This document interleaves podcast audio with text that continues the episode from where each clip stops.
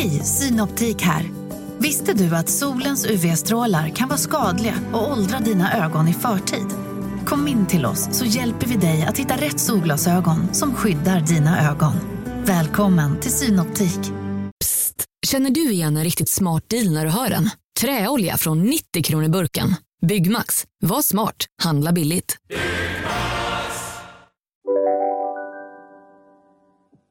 Hej och välkommen till podcasten Billgren Wood med mig Sofia Wood. Och med mig Elsa Billgren.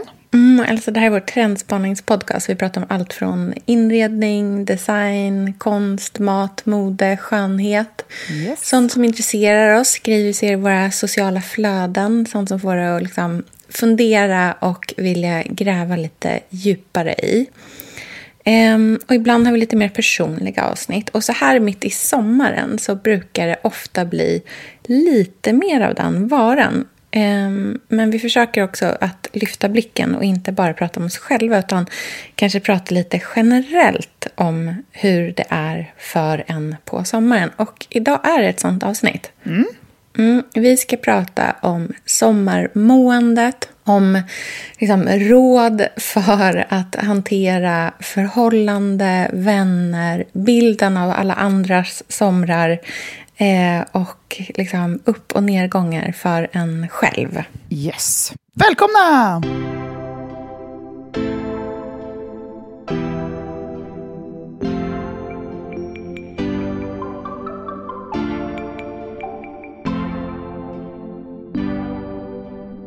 Det där är så konstigt. Varför har vi blandat ihop tråkiga saker med roliga saker? Ja, alltså, verkligen. jag är mästare på att välja bort tråkiga saker. Ja, och jag tror att det har verkligen blivit så mycket svårare under liksom hela så här sociala medieboomen. För att det handlar så mycket om andra människor och väldigt lite om en själv egentligen.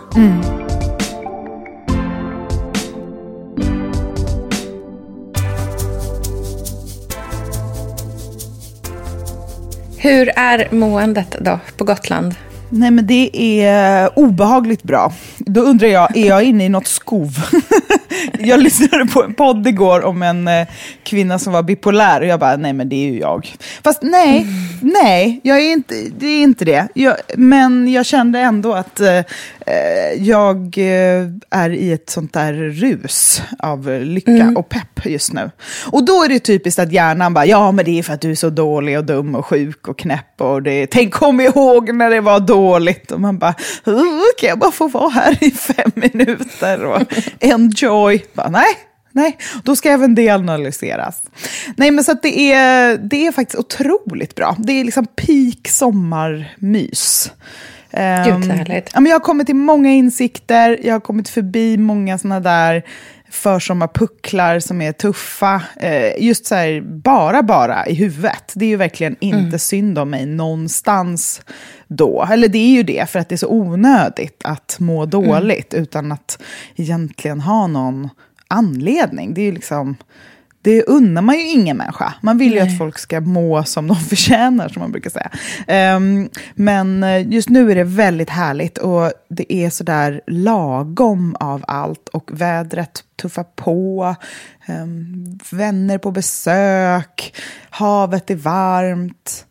Jag är brun och typ inte ryggar tillbaka när jag går förbi en spegel. Det ska man inte underskatta. Nej. Att så här, tycka att man är lite snygg. Det är inte så dåligt alltså. Det gör ganska mycket för ens mående faktiskt. Jag tycker att det kan göra mer än vad man vill erkänna, skulle jag säga. För att jag försöker alltid tänka att så här, jag är i mitt huvud. Så här, alla, allt mitt mående är i mitt huvud. Ehm, men jag tror typ inte det. Jag börjar bli mer och mer... Så här, det handlar jättemycket om kroppen. Typ. Vad man äter, hur man sover, träna, så, D-vitamin. Alltså, det handlar jätte, jättemycket om det där. Eh, För att det typ gör att man får en paus från sin hu- sitt huvud eller någonting. Antar jag. Skifta fokus. Ja, men det är väl också så här super...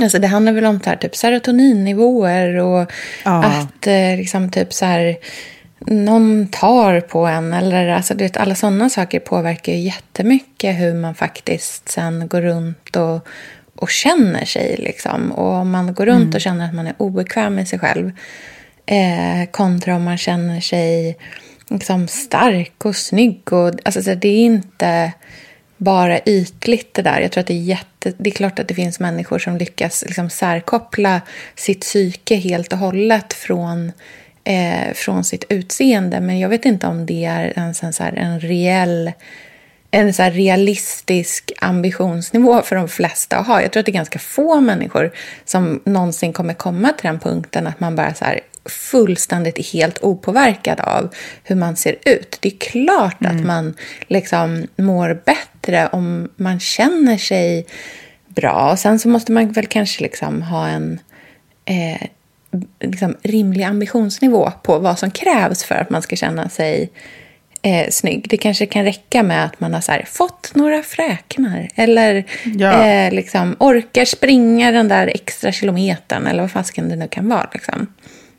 För mig handlar det ju mycket om att när jag känner mig snygg då gör jag ju mycket mindre. Alltså jag lägger ju mycket mindre tid och kraft på mitt utseende. Mm. Jag har ju samma klänning varje dag, sminkar mig inte, alltså jag struntar i allt för att jag känner att jag duger som jag är. Och mm. det är ju timmar jag tjänar på det. Ja. Som kan läggas på att göra saker som gör att jag mår bättre. Mm. Och vilket blir en så positiv spiral. Mm. För då åker jag och badar istället. Gud, och det, man, blir, liksom, man är aldrig så snygg som i en solvarm bil med både AC på och fönstren nere med fötten, liksom sandiga fötter uppe på en... Eh, um, på ett, vad heter det? Bräda, instrument. Ja, ja, och liksom svischa förbi så höbalar och kossor och det är musik eller P1 på eller någonting. Alltså det är ju en snygg stund. Ja. Då känner man sig härlig. Alltså, du måste ju ha, antingen är du världens vigaste människa eller så har du din stol så extremt långt. Jag fattar inte hur du får ja. upp benen där uppe på handske. Men jag har ju exceptionellt korta ben. Ja. det är jag och Britney. Vi, är ju, vi har ju så korta ben. Um, jag måste börja filma mig själv så där väldigt mycket ovanifrån som hon gör. Just det, för att få en annan liksom, proportion. Nej, men jag har verkligen jättekorta ben. Du har ju exceptionellt långa ben. Just, det jag finns inte en chans att, att jag skulle få upp dem. Nej, och du har ju långa fötter. Jag har små runda bollar till fötter. De liksom bara rullar upp på, på fönsterbrädan. vad roligt.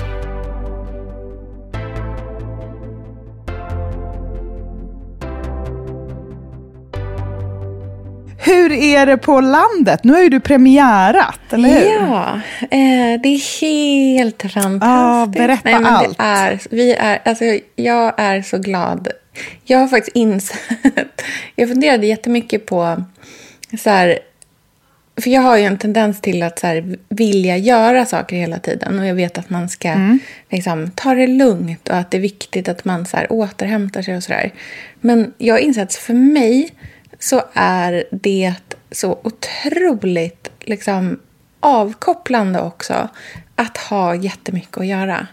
Alltså, mm. Utan att det är stressigt. Alltså, Andreas och jag har ett så här gemensam anteckning på telefonen som vi båda kan logga in på. Där vi liksom skriver upp allting som vi ska göra med huset. Och det är allt från att så här, hänga upp solcellslamporna ute i trädet till eh, så här, ring, så här, köp proppar till proppskåpet. Alltså det är sådana saker liksom.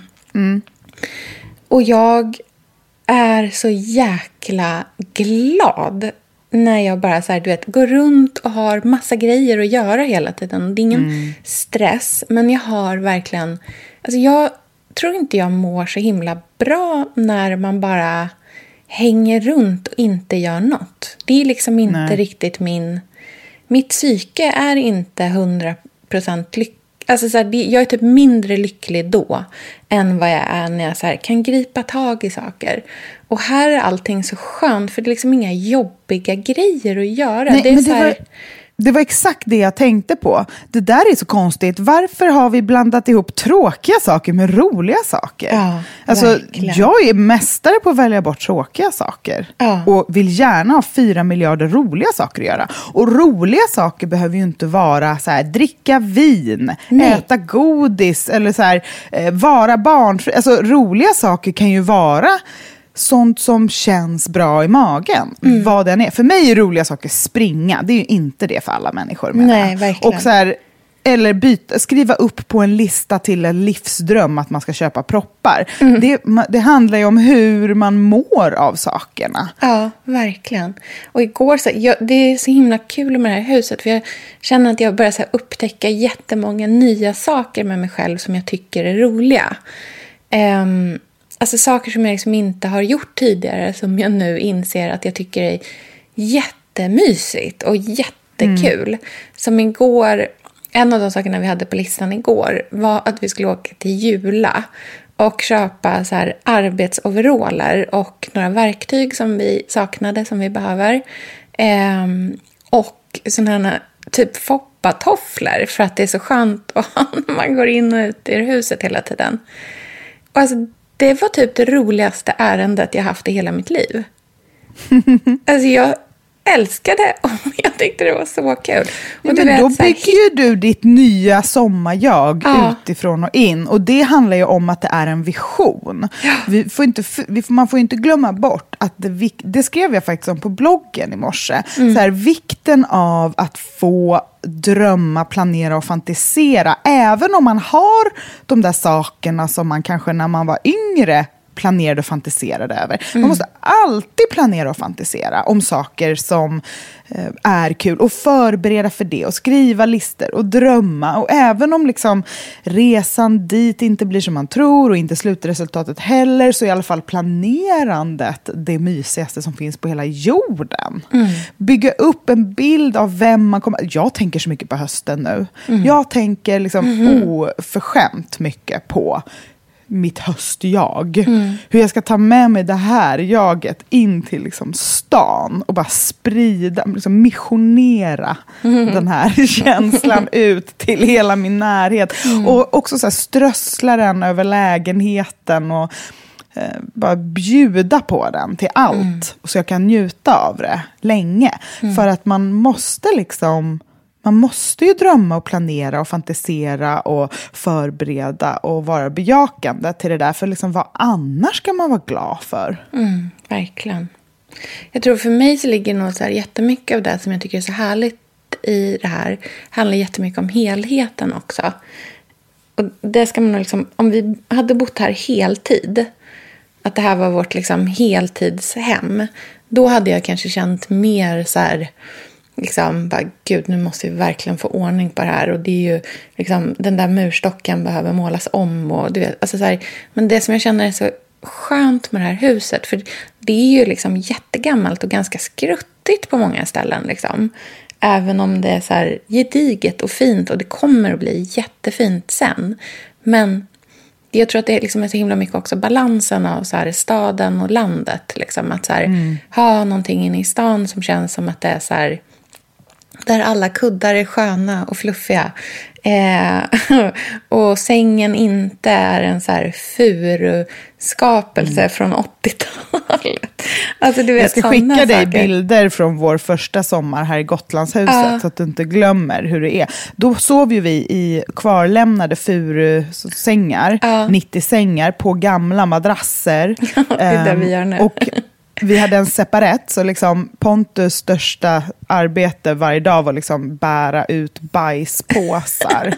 Ehm, och det var, nej men så det var första sommaren. Ja. 100 procent. Det var liksom bajspåsar och furusängar. Ja. Nu ligger jag i en eh, kontinentalsäng med linneöverdraget eh, sänggavel och blickar ut över ett loppisfyndat mössbord och en solhatt. Och det är liksom linneöverkast. Så att det, och det är ju bara fyra somrar senare att man, man gör det där. Men det är omöjligt att ha bilden av att det ska vara så direkt. Mm, precis. Man får liksom ta Man måste det. sitta i båten. Ja, verkligen. Och vi har ju ganska mycket liksom renovering att göra i det här huset också. Så att jag tror om fyra somrar, då kommer det säkert vara liksom mycket så här inredningsgrejer som är fina. Men det kommer vara mycket liksom mer så här strukturella saker med huset som fortfarande kommer vara kvar. Alltså det här är ju liksom ett livsprojekt att ta hand om det här huset. Det är ju liksom från 1895 och det har ju liksom varit ett hus som det har levts i. Det är så roligt, trösklarna är... Det finns så liksom gångspår i trösklarna i köket. Mm. Eh, det är liksom som ett dike där det har liksom gåtts sen 1895. Mm. Och det är så himla så här... Det är no, jag är så kär i den här platsen. Även fast att den är 100% operfekt på så många sätt. Liksom.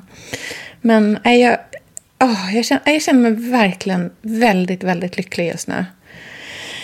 Men det är lite det vi ska prata om i dagens avsnitt också. För att jag tänker att vi är ganska många som går runt och liksom känner att man så här, För det är så lätt att man så värderar sin sommar hela tiden. Och man, det är som att det är liksom så här, nu är det upp till bevis att ens förhållande ska vara bra. Eh, man blir så liksom delaktig i andra människors... Liksom ens bild av hur andra människors privatliv ser ut på sommaren. Eh, och förhållanden och liksom, hur många vänner man har att hänga med. Eh, mm. Roliga liksom, picknickar och middagar och folk möts upp. och Det är som att det är liksom midsommarafton fast i så 30 dagar på många sätt. Mm. Och det där är ju jättesvårt att navigera i, tycker jag. Ehm, mm. Man har ju verkligen... Liksom, nu sitter jag här och säger att jag känner mig jättelycklig och det gör jag ju i den här stunden. Men det är ju klart att man har liksom all, hela spektrat av alla känslor så här, sommaren igenom. Och själv tycker jag verkligen att så här, det är jättesvårt att, att hitta den här liksom lagom lagom vibben av att så här, vara nöjd även fast att det inte är liksom den peak-varianten av vad alla andra har hela tiden. Eh, och jag tror att det har verkligen blivit så mycket svårare under liksom hela så här sociala medieboomen. För att det handlar så mycket om andra människor och väldigt lite om en själv egentligen. Mm. Men det, jag tror att nyckeln till en glad sommar mm. är ju att lyckas inte jämföra sig. Mm. Och att lyckas liksom förstå att Instagram och bloggar och poddar och allt, alltså även du och jag och allt, det är andra människor. Alltså det har ingenting med en själv att göra. Man Nej. är i makt över sitt eget liv. Och man har på något sätt en skyldighet till sig själv och ens nära eh, att försöka med all sin kraft att bry sig om det och ge det energi. Och mm ta energi från det. Och det, där, det låter ju som klyschor, och det är det ju, men jag tror att vi behöver påminna oss om det ofta, och speciellt på sommaren, när man har ganska mycket så här slö tid att ligga i hängmattan och typ scrolla och titta vad alla andra gör och så jämför man. Alltså att det blir väldigt sådär lätt att eh, jämföra sig och ja, tycka att man har det mindre bra än alla andra. Och just att så här, det, ja, så kanske man har, eller jag vet inte, det spelar ingen roll. För att det man har är ju det man har i mm. den här mm. stunden. Och man är på något, man är så skyldig sig själv att försöka göra det bästa av det. Mm. Så att man får en härlig sommar, för det är man värd. Mm. Det blir sånt självskadebeteende att eh, slösa på sommaren för att jämföra sig och bli, vara missnöjd med allting. Och jag tycker till och med att det kan, man kan dra det så långt att det kan hamna, alltså det kan beröra typ ens relation mm. och typ ens, om man har barn.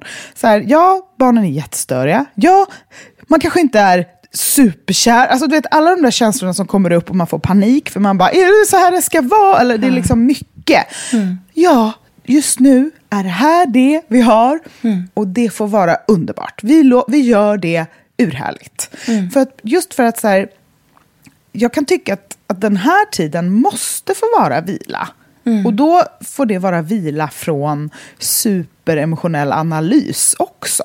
Mm. Och jag tror att det då till hösten kanske gör att de sakerna som man har tyckt vara, varit problem, de kanske är bättre då, eller så är de sämre. Och då kan man ju verkligen göra någonting, för då är man i sitt lite mer skyddade läge med vardagsrutiner och vänner att prata med mer liksom, ordning och reda, eller man ska säga, lite mm. mer hud. Mm. Nu tycker jag att så här, unna sig själv att inte analysera, mm. utan bara följa med, vara lite flummig. Liksom. Mm. Att det kanske kan gynna en.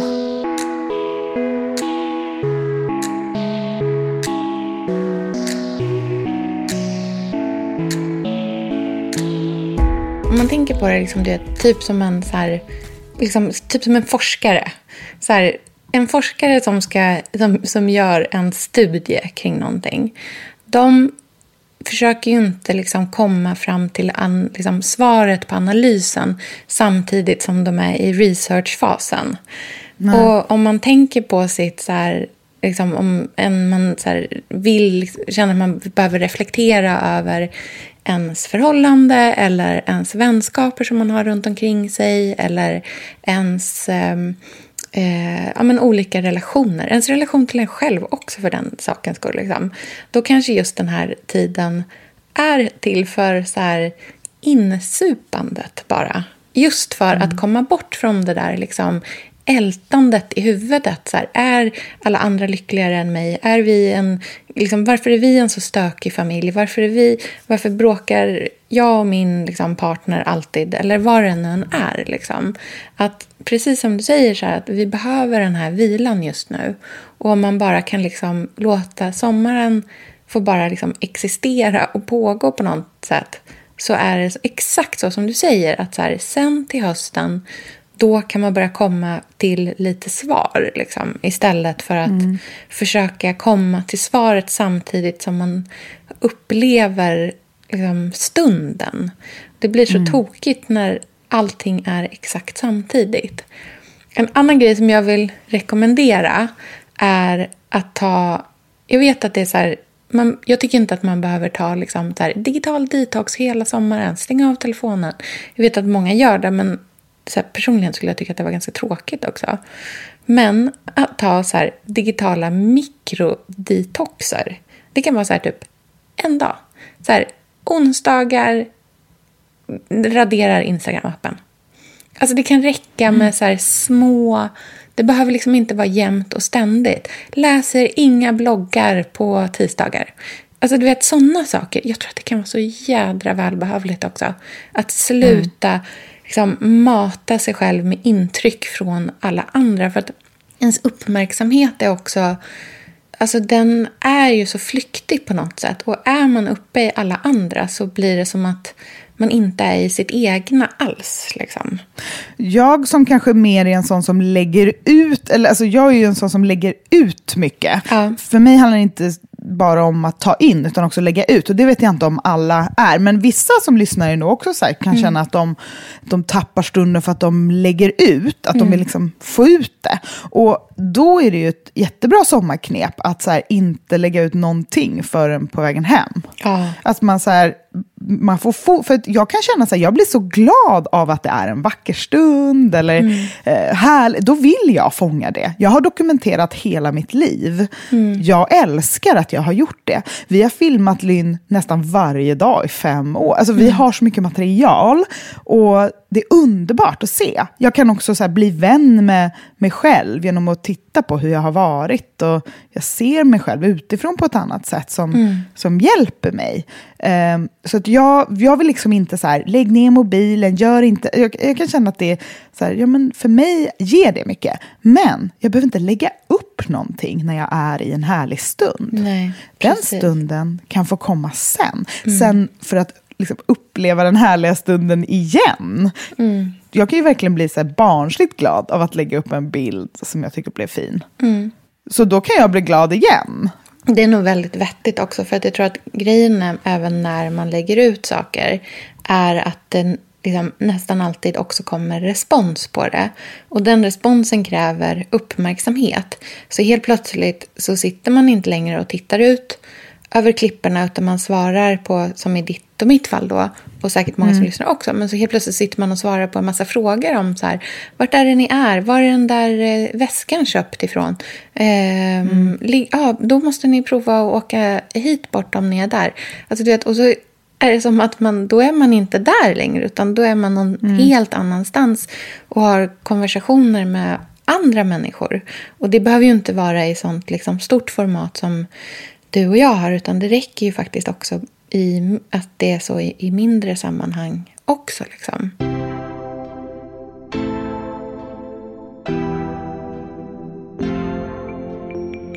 Ett tips som jag har, för att jag brukar bli ganska stressad över saker. Alltså stress är min sämsta gren. Ehm, mitt liv försämras av att jag känner mig stressad ofta. Och det märker jag har blivit mycket värre efter eh, alltså att jag var sjuk. Nästan som att, så här, jag, jag brukar säga det, jag bara, det, ibland är det som att min hjärna är lite bränd. Eh, Att den inte riktigt klarar av fler saker på en gång och sånt där. För då kastar den sig snabbt in i så här, det här är en farlig situation. Ehm, typ, nu kommer något farligt hända. Bara för att det är en lite mer pressad situation. Och på sommaren kan jag tycka, även om man har mycket tid, så kan man ju också vara stressad för att ja, men man är, vi som har barn, man är med sitt barn hela tiden, det finns kanske gäster, det är saker som ska fixas, det är liksom, man ska packa någon bil och åka någonstans. Och det, är, alltså det kan vara mycket stressiga situationer. Och jag lovade verkligen mig själv i början på sommaren, eller jag lovade min terapeut, nu ska jag vara ärlig, jag lovade min terapeut, att jag skulle ha en bra sommar för att jag verkligen vill unna mig själv det. Och då var jag så här, okej, vad sätter käppar i de hjulen? Jo, men det är ju stressen, för det är då jag blir agiterad och orolig och det kan liksom kicka igång panikångestattacker och allt möjligt. Så jag bara, jag måste råda bot på stressen. Så insåg jag så här, men vänta nu, jag är både stressad men jag älskar ju att ha mycket att göra. Så jag älskar ju många saker. Så Jag gillar ju folk, grejer. Alltså jag gillar när det händer mycket. Bara, hur ska jag få ihop det här? Så bara, men gud, jag blir en ja-sägare. Jag ska säga ja till allt och följa med överallt. Alltså bara, bara följa med. Vara helt öppen. Och vänjer mig av vid det här, så här snabba nejet för att jag är rädd för stress. Att jag liksom kliver förbi det till att bara bli en person som följer med. Och då menar inte jag följer med på varje utflykt, utan då menar jag följer med i stunderna. Alltså så här bejakar istället. Och det har jag insett, så här, jag är typ aldrig stressad längre. Nej. Och det är inte att jag, och jag gör, men jag gör ju ganska mycket saker, för att, men det gillar jag. Så att det, det funkar väldigt bra. Jag tror jag ska försöka ta med mig det även liksom i stan sen, i lite mer arbetssituation. Som nu precis innan du och jag skulle börja podda, en dag för sent också. Så jag var ju på, liksom löpru- på upploppet på löprundan när min mobil piper och jag inser att jag har tre minuter till ett Zoom-möte med en kund som jag har glömt bort. Jag bara gulp! Och så bara, jag ska inte bli stressad. Så bara går jag, sätter mig till rätta. Jag är ju helt röd i ansiktet, svettig. Och så liksom öppnar jag mötet och bara, hej, jag har precis varit och sprungit. De bara, gud vad härligt, du ser sommarfräsch ut. Alltså, det är bara en icebreaker. Det Ja. blev ett jättebra möte och inget är något konstigt. Och jag skickade ett sms till dig, kan vi skjuta på podden 20 minuter till? Du bara, inga problem. Det var den minst stressiga situation jag upplevt någonsin. Och det kunde verkligen blivit as dåligt. Mm, precis.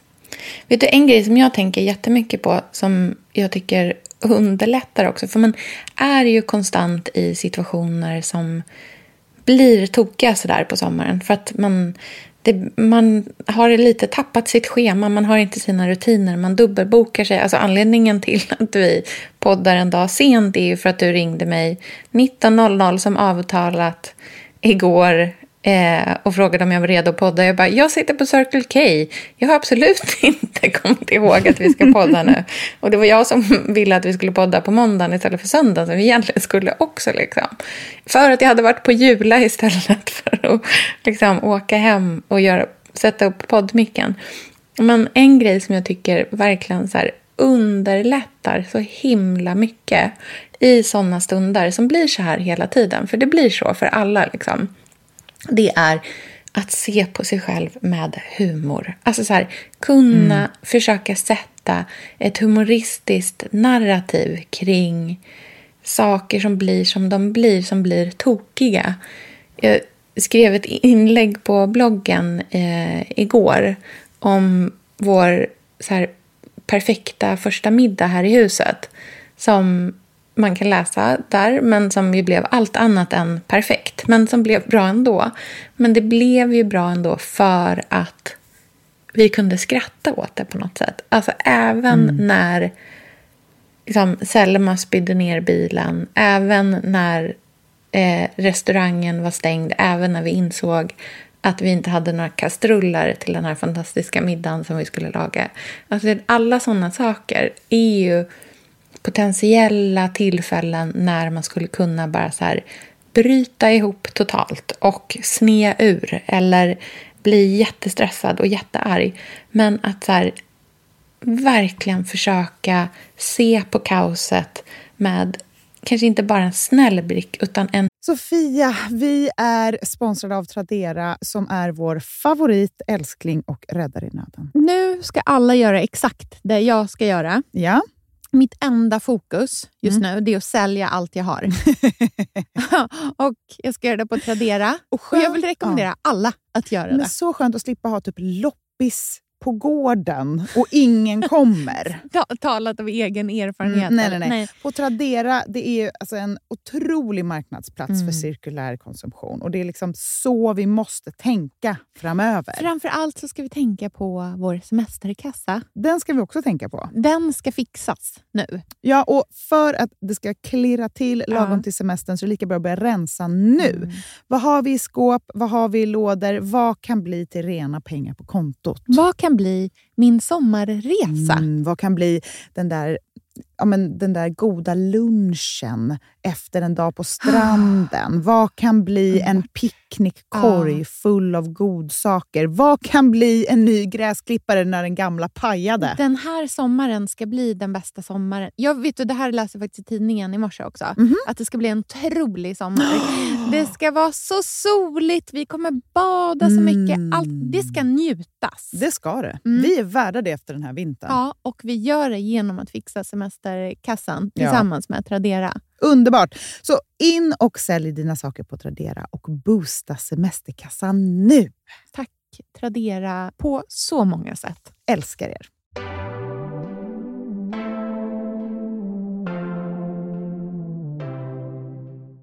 Humoristisk blick. För ibland räcker det liksom inte att bara försöka vara snäll mot sig själv. Utan ibland måste man bara verkligen så bara skratta åt sig själv på ett jättedråpligt sätt också.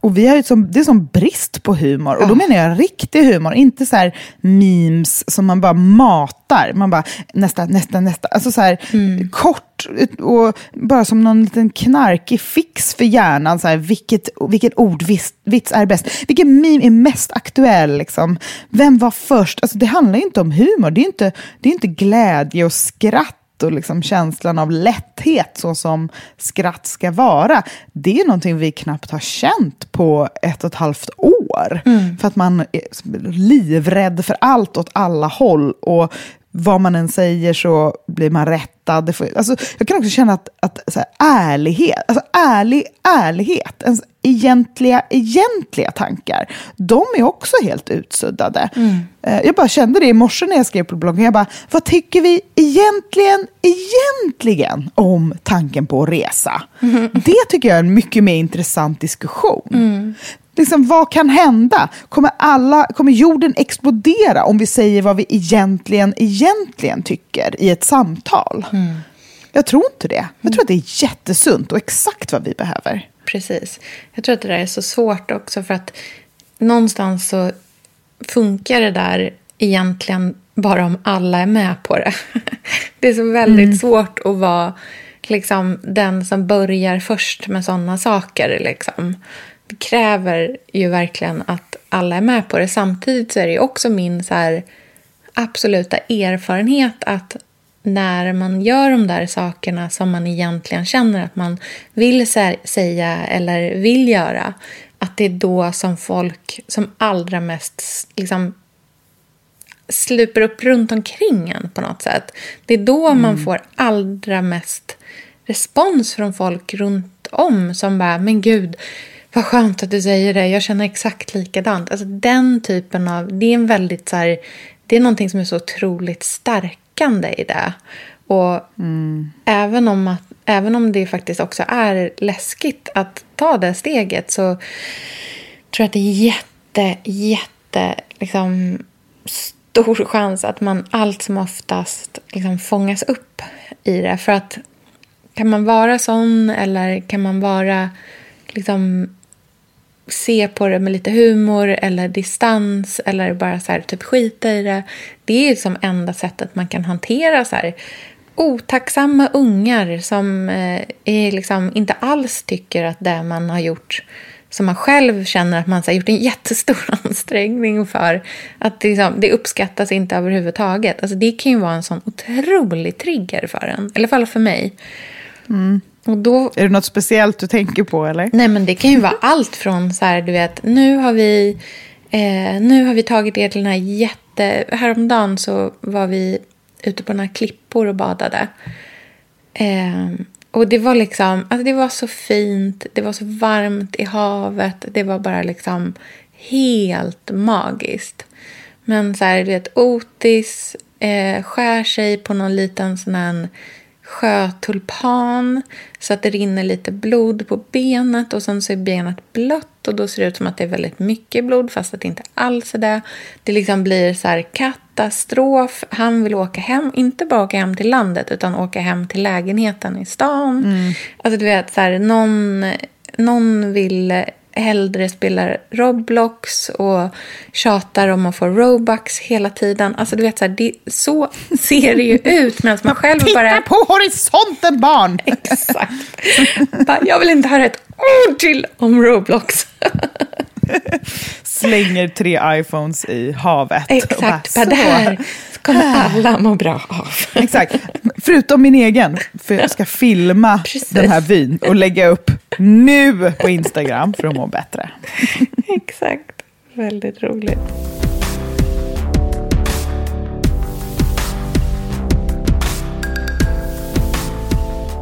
Vi har ju lovat att svara på några frågor och för att det här inte ska bli liksom världens längsta inlägg så tycker jag att det är lika bra att vi sätter igång, eller hur? Yes, absolut.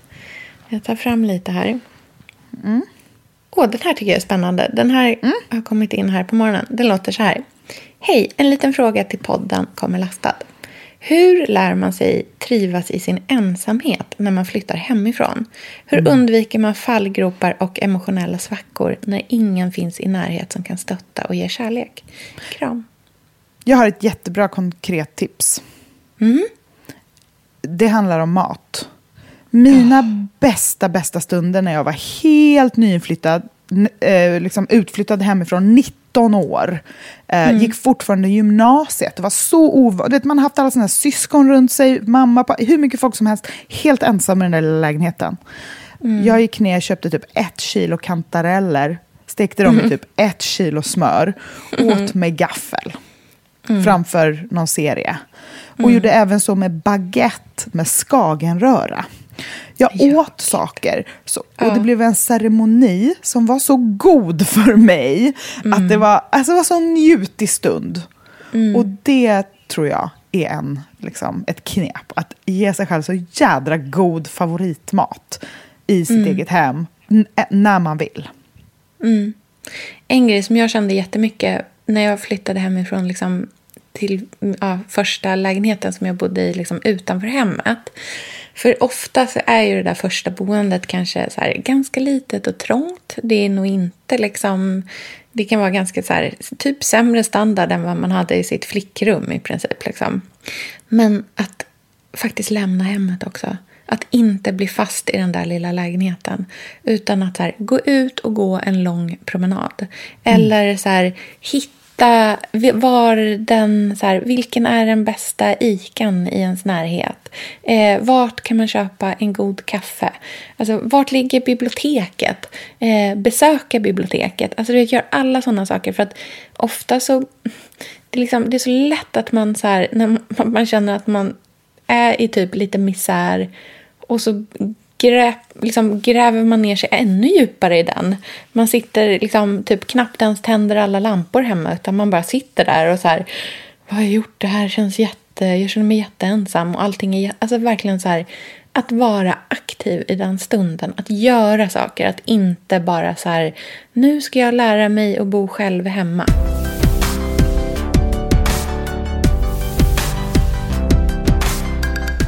En eh, snabb fråga här från en läsare. Mm. En inredningstrend som vi är riktigt trötta på. Mm. Okej, okay. vad känner du? Alltså jag tänker, eh, alltså jag är ganska trött på eh, liksom lyxiga köpebuketter och för stylat fix. Mm. Mm. Alltså jag vet inte om det är en inredningstrend, men just det här stylade, fixade för kameran. Det är liksom det första jag tänker på. Mm. Jag tror att det är det jag känner också. Det som är otroligt tillrättalagt. Liksom. Uh. Vilket är intressant också för att jag tror att vad ens bild av vad som är otroligt tillrättalagt. Jag tror att den är så otroligt...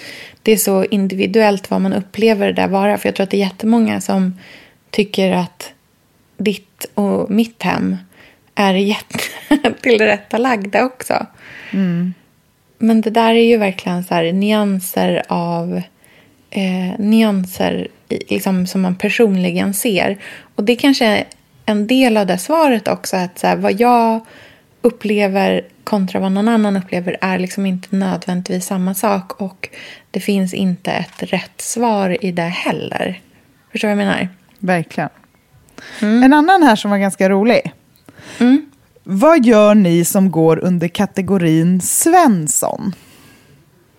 Mm, gud, typ allting med min... Alltså, jättemycket med barnen.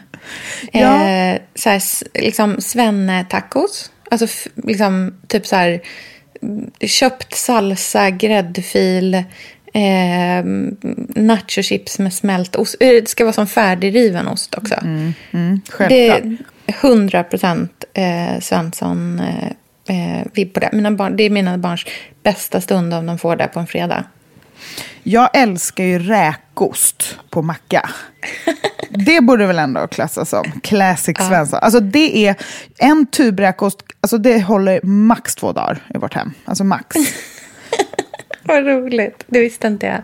Plus du gillar Mello tub. också. Aha, jag okay. älskar Mello.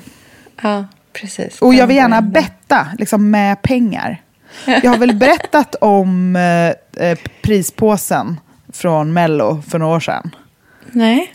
Alltså, vi brukar ju kolla med kompisar. Som, som tur var har vi ett kompisgäng som också är ganska intresserade av Mello och också gillar mm. att betta. Så då hade vi liksom så här att man... Eh, la, det här var finalen på svenska Mello då.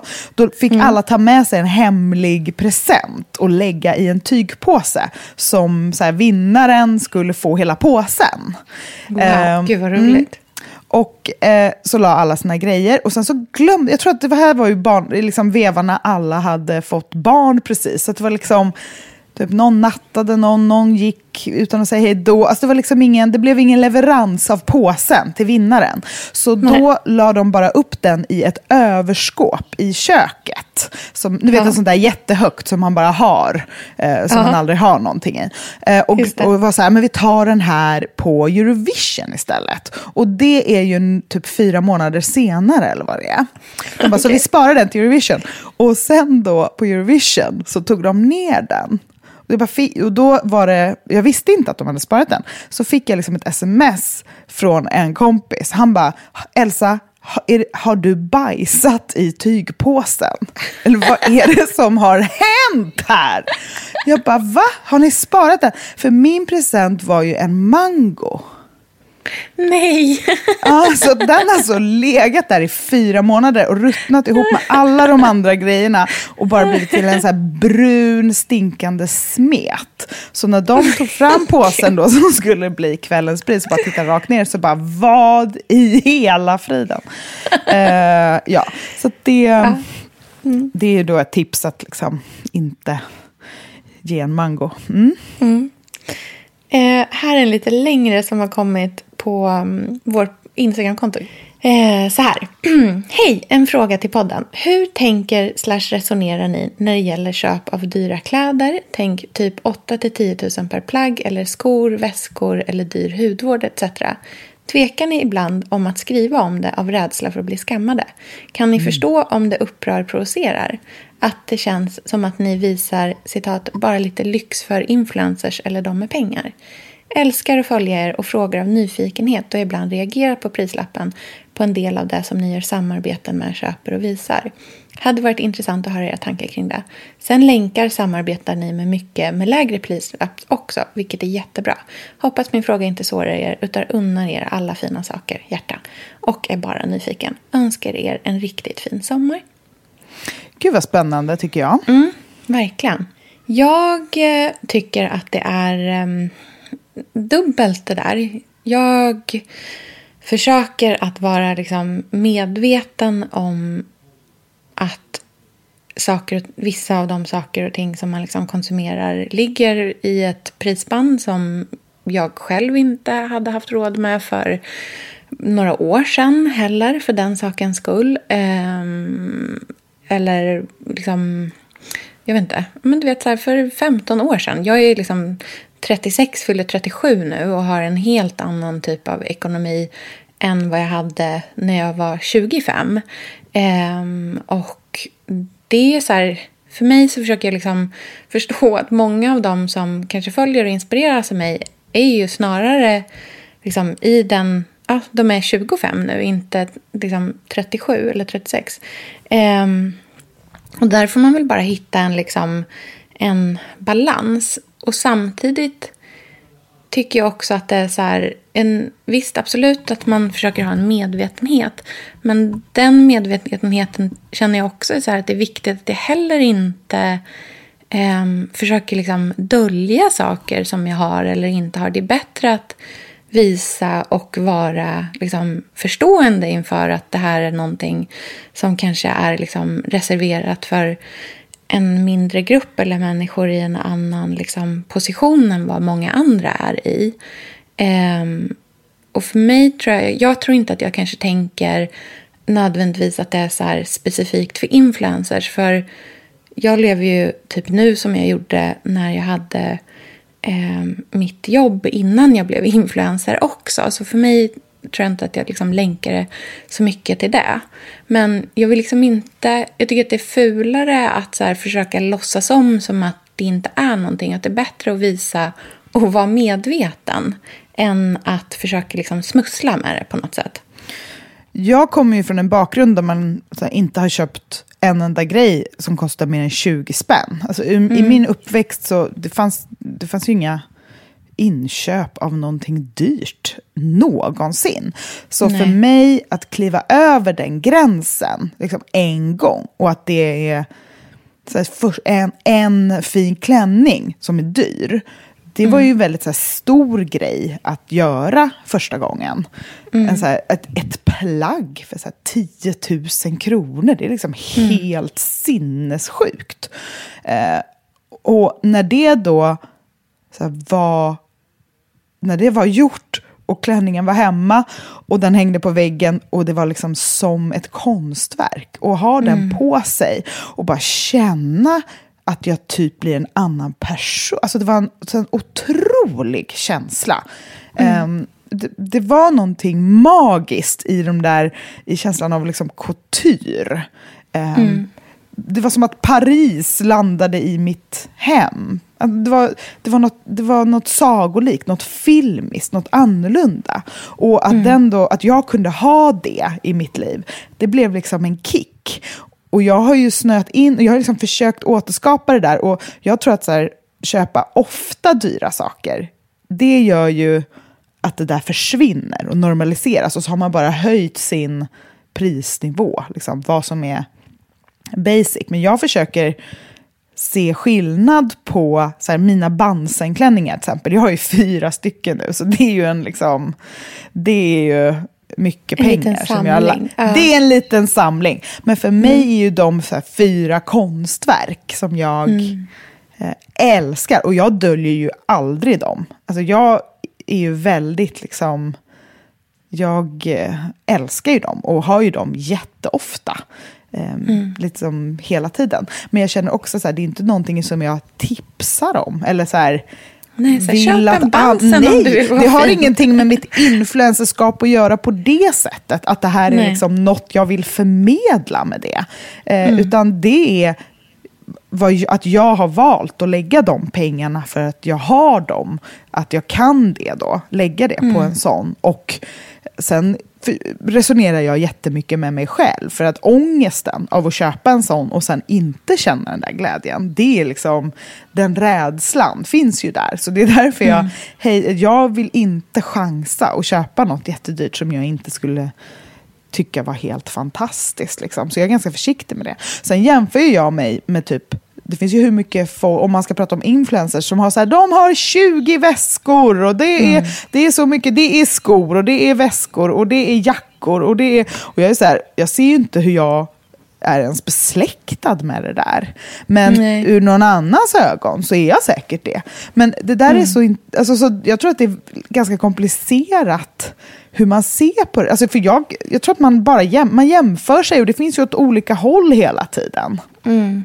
Jag tror verkligen, jag håller verkligen med dig i det där tycker jag är en så, så generellt svår grej i liksom, så här, influens, alltså när man pratar om så här, gruppen influencers. För för mig är det liksom, absolut inte en homogen grupp. Jag Nej. ser liksom, jättemånga olika typer och känner inte att jag själv ens är i samma värld som vad många andra är i. För precis som du säger är det så här Alltså det är ju inte... Liksom, det hänger inte en Chanel-väska här. Det finns inga liksom så här... Manolo Blahnik-skor eller jätte... Sen kanske fin, liksom, det finns inte den uppsjön av lyx i mitt liv. Sen så finns det definitivt vissa saker som är lyxiga. Eh, men det är liksom som... Alltså streck strecket är så fruktansvärt långt i vad det finns för olika typer av varianter. Och där tror jag att, för mig är det väl där som jag tycker blir så här krångligt när man pratar om alla som en grupp. Att jag har aldrig lagt upp ett reklamsamarbete som jag inte har annonsmärkt. Och därför så blir det så svårt när folk så skriver pratar om influencers som att man alltid så här, försöker lura folk och sälja på grejer. Så här, när man bara, men jag har aldrig gjort det. Och sen finns det kanske, jag vet inte, för jag följer inte så mycket influencers heller. Och det kanske finns folk som gör det jättemycket. Men det är så otroligt så här, svårt att hamna under samma paraply när liksom, det inte är en grupp som är lik varandra utan det är en enorm liksom, yrkesgrupp eller vad man ska kalla det. Um, jag tror att därför som jag så himla länge inte ens liksom, typ erkände att jag ens var influencer.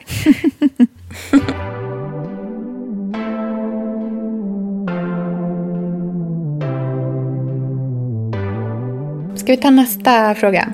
Ja, vi tar den sista. Mm. Eh, ska vi se här. Ja, den här är lite rolig. Halloj! Älskar er podd och har följt den sedan start. Har följt Elsas blogg sedan jag var 13 och alltid mm. älskat allt. Vad gulligt. Mm. Ni får mig att känna mig trygg och lugn inför livet då jag bara är 21 och har haft mycket noja att bli, över att bli vuxen. Min fråga, frågor till er, är vad drömde ni om att göra som vuxna när ni var tonåringar och har de drömmarna uppfyllts? Tycker ni att man ska vara öppen för alla möjligheter tidigt i livet eller försöka bygga en säker grund tidigt så man har en säker framtid som utbildning och så vidare? Lite flummiga frågor kanske, men det är något jag velat höra era tankar om länge då jag känner igen mig själv i era tankar och känslor. Njut av sommarledigheten. Lycka till med podden. Fint! Ja, ah, gud vad fint. Åh, oh, vad jag på något sätt avundas den där åldern och tiden när man mm så här, fast jag också inte avundas. Alltså det här med framtiden. Jag minns att mm. jag var ganska olycklig i den åldern just för att jag hade de där tankarna. Så här, mm. Vad ska jag bli när jag blir stor? Paniken. Um, och, och, i det så tror jag att jag inte såg mina egna styrkor, så här, vad jag var kapabel till och vad jag var bra mm. på. Utan uh, försökte bara anpassa mig till något som jag trodde var en vettig bas för att kunna ha ett bra liv. Um, Och det tror jag att så här, det, när jag var i den där åldern så, så hade jag ju drömmar om um, kanske luddigt att jag ville jobba inom teater eller film eller jag ville jobba med skapa berättelser och um, försökte ju så här skådespela men jag var liksom inte tillräckligt bra på det. Och sen så var jag ju ganska öppen och, och ja, men började blogga tidigt och så här, hängde med på det och, och insåg att så här, min styrka kanske ligger i att jag är en historieberättare fast inte på det sättet som jag tror utan att så här, man kan mm. skapa världar och sammanhang och följa med och, och våga liksom förändra sig med tiden och sådana saker. Att just så här, att vara följsam och mjuk är också en styrka. Mm, så är så det verkligen. Ja, och jag kan fortfarande vara så här, men gud, jag har knappt gått två dagar på universitet. Alltså så här, vad ska det bli av mig när jag är 50? Men jag kan mm. också känna att så här, jag måste, jag skyllde mig själv att lita på att det finns styrkor hos mig och kunskaper och saker som jag är bra på, som jag kan bidra med i olika situationer. Mm. Och att så här, man hamnar i de situationerna för att man söker sig dit. Mm. Precis. Jag kan känna att jag kan liksom, jag ska inte säga ångra, men jag kan önska att jag hade njutit lite mer av den där tiden och inte velat så här skynda på in i liksom något slags vuxenliv så snabbt. För att det som jag känner nu när jag är i vuxenlivet är att nu är det här så himla lång tid som det kommer vara så här. Alltså mm. Alltså den här fasen är en enormt lång fas. Om liksom Ja, inshallah. Alltså att man liksom bara, tills vi skiljer frisk. oss och sen står på Rish och hänger och gör om allting igen. Är det det du menar? Exakt. Nej, jag tänkte mer snarare så här, tills jag ramlar ner för liksom, stegen när jag ska byta ja, takpannor och dör istället. Nej, nej men jag tänker, nej, men jag tänker snarare så här att det där är så himla kort det är så få år i livet som är de där liksom tidiga 20-åren när man har lämnat liksom kanske så här, verkligen tonåren men är ung vuxen. Det är så kort tid som man är i den fasen. Och den är jättejobbig för det är ju ganska liksom ångestfyllt men gud vad spännande det är också. Och mm. att just så här, ha livet som ett så oskrivet blad. Det är massor med saker som kommer hända i mitt liv som jag inte vet om idag, men såklart. Men mycket är ju liksom satt. Eh, och jag var ganska driven under de där åren, tror jag. Och så här, såg till att få det jag ville ha snabbt. Och på ett sätt kan jag känna att om jag liksom hade tagit det lite mer chill då kanske jag hade fått uppleva fler saker. Jag kan liksom önska att jag hade rest mycket mer då än vad jag gjorde. För att, eftersom jag började jobba och jobbade på kontor mm. och fick ett så riktigt jobb och hade viktiga... Alltså du vet, så här, jag hade mitt, liksom, som då var mitt drömjobb, det hade jag ganska tidigt i livet. Ehm, och sådana mål som jag hade liksom hade jag uppfyllt redan liksom, precis när jag hade fyllt, knappt hade fyllt 30. Liksom. Och många av de sakerna kan jag känna så här, gud, det hade jag kunnat vänta med tills jag var 40 istället. Mm. Alltså, du vet, att saker och ting hade kunnat få ta mycket längre tid än vad det gjorde. Mm. Men sen kanske inte det helt och hållet ligger i min natur heller. Att, I och med att jag gillar att göra saker och gillar att uträtta grejer. Så det kanske inte men det är mer så när man liksom reflekterar över det. Mm. Jag ville jobba med marknadsföring och då gjorde jag det när jag var liksom 20. Alltså du mm. vet så här, då, då bara liksom saker och ting hände för att, man, att jag var liksom driven i det. Och eh, vågade försöka saker och ting snabbt och tidigt. Kanske till och med också innan jag egentligen var redo för det. Men liksom löste det under tiden som jag gjorde det. Och det kanske är år som jag borde ha så här, jag vet inte, hängt i goa en månad eller vad som helst. Liksom. ja. För nu kommer ju det med väldigt stor sannolikhet inte ske, i alla fall innan jag är liksom 50 plus. Men då kanske det blir roligt att göra det då också. Jag vet Verkligen. inte. Men jag önskar att man liksom, när man är i den tiden i livet som du som skriver här liksom, eh, DMet är, hade liksom tänkt att så här bara vara i stunden och så här känna pirret av att inte ha allting uppstyrt ännu. Det är jättespännande. Och gud vad liksom så här mycket roliga saker du har framför dig också. Liksom. Det är ju underbart. Det är, jag pratar ofta om det, att min så största ångest är att jag inte känner att jag är ung och lovande längre. Och du kan verkligen vara det, så njut av den stunden istället. Herregud, det är typ dröm, drömliv. En grej som jag är väldigt tacksam över att jag la mycket energi mm. och tid på i den åldern, som jag verkligen kan njuta och skörda av idag, mm. det är vänskaper. Jag var väldigt mm. Nära mina vänner i den åldern mm. och gjorde jättemycket. Vi sågs liksom varje söndag, pratade igenom helgen, vi ringde varandra varje dag. Jag investerade jättemycket i mina vänner. Um, i mina liksom early 20s, eller man ska säga.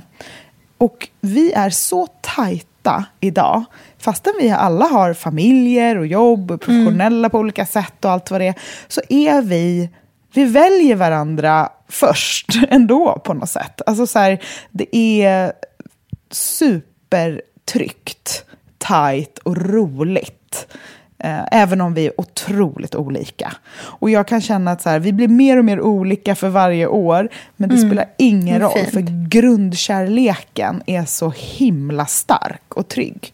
Och de vet att jag älskar dem och jag vet att de älskar mig. Och mm. då kan allt annat i livet vara stökigt och svårt och liksom upp och ner. Mm. Men de här vännerna som jag verkligen... Vi gav varandra allt i den åldern. Just för att livet var så läskigt och nytt. Um, att man behövde ha liksom, sitt mm. crew mm. nära sig för att känna sig trygg. Och det tror jag, alltså skulle jag vara 21 igen, då skulle jag göra exakt samma sak. Att liksom, lägga så mycket tid och kärlek på mina vänskaper. Just för att jag vet idag hur härligt det är att ha när man är 35. Mm. Ja, men vi rundar väl av där för den här veckan. Så får vi väl hoppas att vi eh, utkommer med podden på rätt tid nästa vecka. Eller vem mm. vet? det beror på om jag är på Jula istället. Verkligen. Nej, men det, ja. det är allt, allt är lugnt. Vi är öppna. Vi följer Vi löser det. Mm. Mm. Fantastiskt. Men vi lägger väl upp lite njutiga sommarbilder på Billingwood det Podcast. Så mm. hörs vi om en vecka igen. Så får ni en underbar sommar tills dess. Mm. Ha det så fint. Hej då. Okej, okay. hej då. Hej.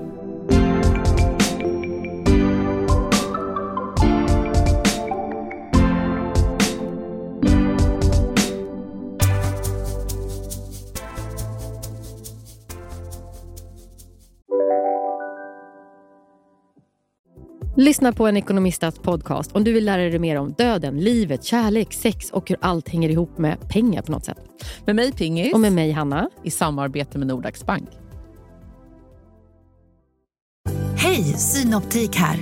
Visste du att solens UV-strålar kan vara skadliga och åldra dina ögon i förtid? Kom in till oss så hjälper vi dig att hitta rätt solglasögon som skyddar dina ögon. Välkommen till Synoptik. Dåliga vibrationer är att skära av sig tummen i köket. Ja! Bra vibrationer är att du har en tumme till och kan scrolla vidare. Alla abonnemang för 20 kronor i månaden i fyra månader. Vimla! Mobiloperatören med bra vibrationer.